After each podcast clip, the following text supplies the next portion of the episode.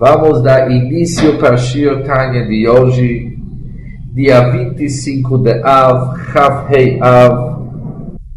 O Shir Tanya de hoje começa na página 224, o início do oitavo capítulo de Geret HaKodesh.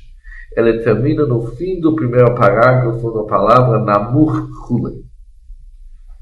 Zoreia Tzedakot Matzmiach Yeshuot são palavras ditas diariamente no brachá do Yotzer Or que precede a leitura do Kriyat Shema diariamente. Falamos que Deus zoreia tzedakot, ele semeia a justiça, matzmiach yeshuot, ele faz a salvação brotar. הנה, מה שכתוב לשון זריעה במצוות הצדקה. O motivo que a palavra Lashon Zeriah semear é utilizado junto com mitzvah tzedakah, com mitzvah de caridade. O Kmoshe Katube passou, como também está escrito no versículo, Zir'u lachem litzedakah. Vocês devem semear para a caridade.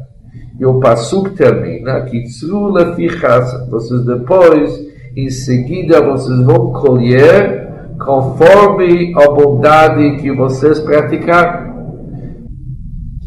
E para entender a ligação da palavra zoreia, zriya, semear, com destacar com caridade.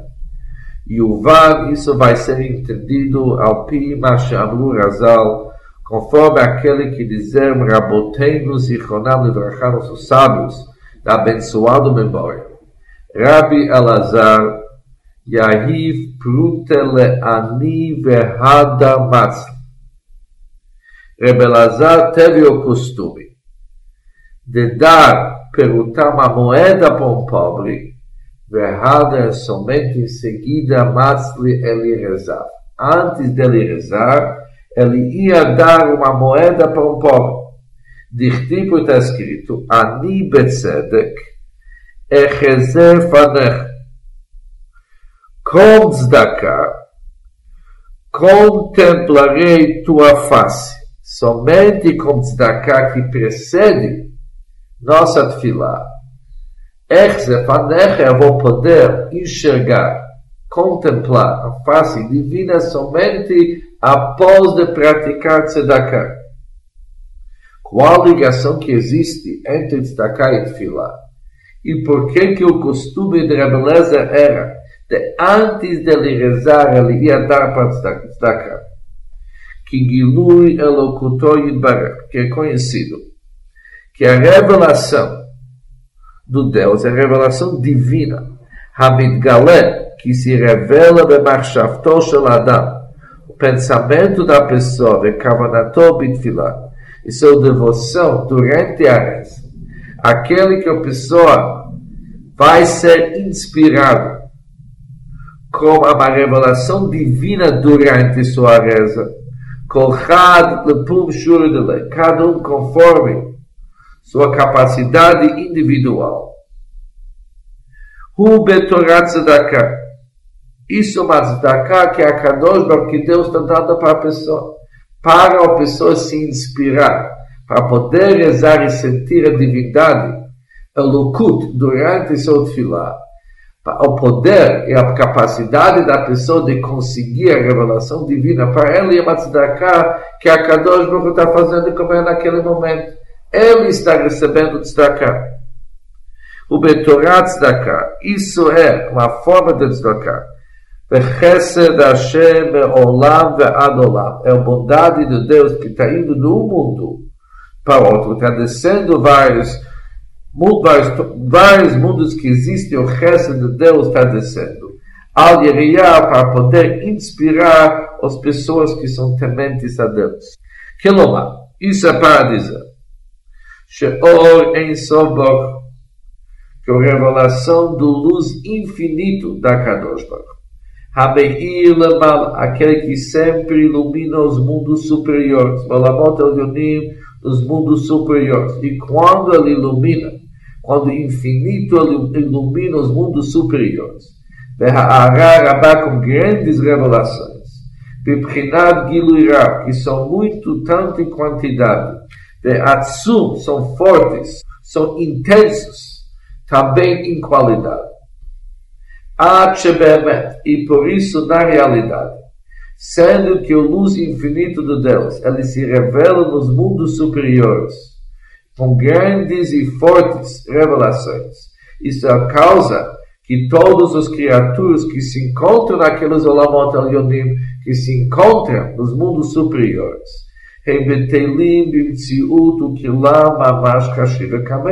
eles são totalmente anulados. Eles se sentem anulados. O que lá eles se sentem nulos diante da presença da Kadosh Baruch. Eles percebem, eles têm uma grande percepção como que eles são totalmente anulados. Eles são inclusos no luz infinito da Kadosh Baruch. Tudo isso corresponde como a Haichelot, que são os palácios e Mamalachim, os anjos, Anshamot, como os almas Shebahem, que se encontram naqueles reichot, naqueles palácios divinos.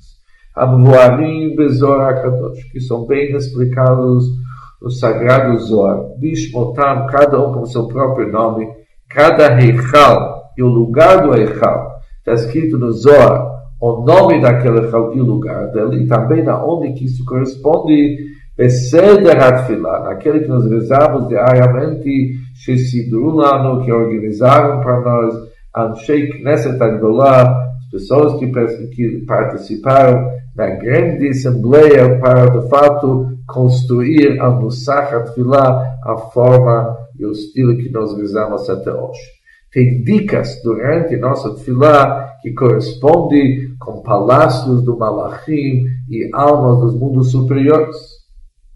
Ou seja, aqueles mundos superiores, o que, que significa o mundo superior?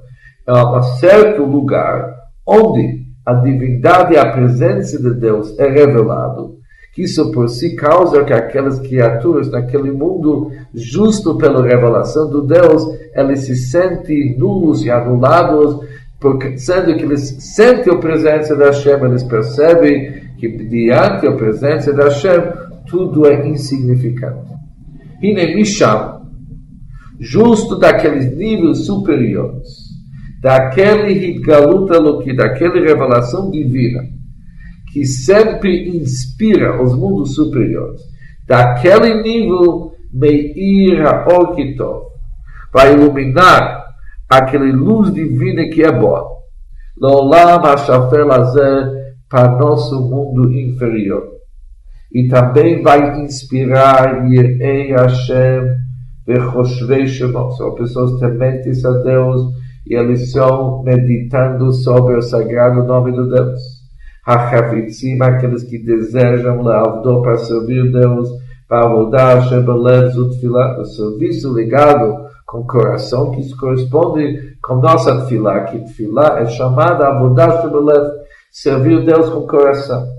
Ou seja, aquelas revelações divinas que normalmente se revelam somente nos mundos superiores, ela está bem durante a reza da pessoa, vão descer até nosso nível baixo para inspirar uma pessoa que se encontra em nosso mundo. A transmissão não, não vai parar somente nos mundos superiores, ela desce até nosso mundo inferior baixo. O Moshe Katou, como está escrito, Vashem Yagia Roshki. Deus ele vai iluminar meu escuridão. Quando se fala Choshki, nossa escuridão, significa nosso mundo baixo, que é um mundo escuro, escuro no sentido que Deus não está revelado em nosso mundo. Avaya Yagia Choshki, a, a luz do Shem Havai, a luz do tetragrama do nome sagrado de Deus, ele quem que vai iluminar nossa escuridão. Verine. Levando em consideração que aqui tem uma grande descida. A descida dessa irradiação, dessa iluminação do Deus para nosso mundo.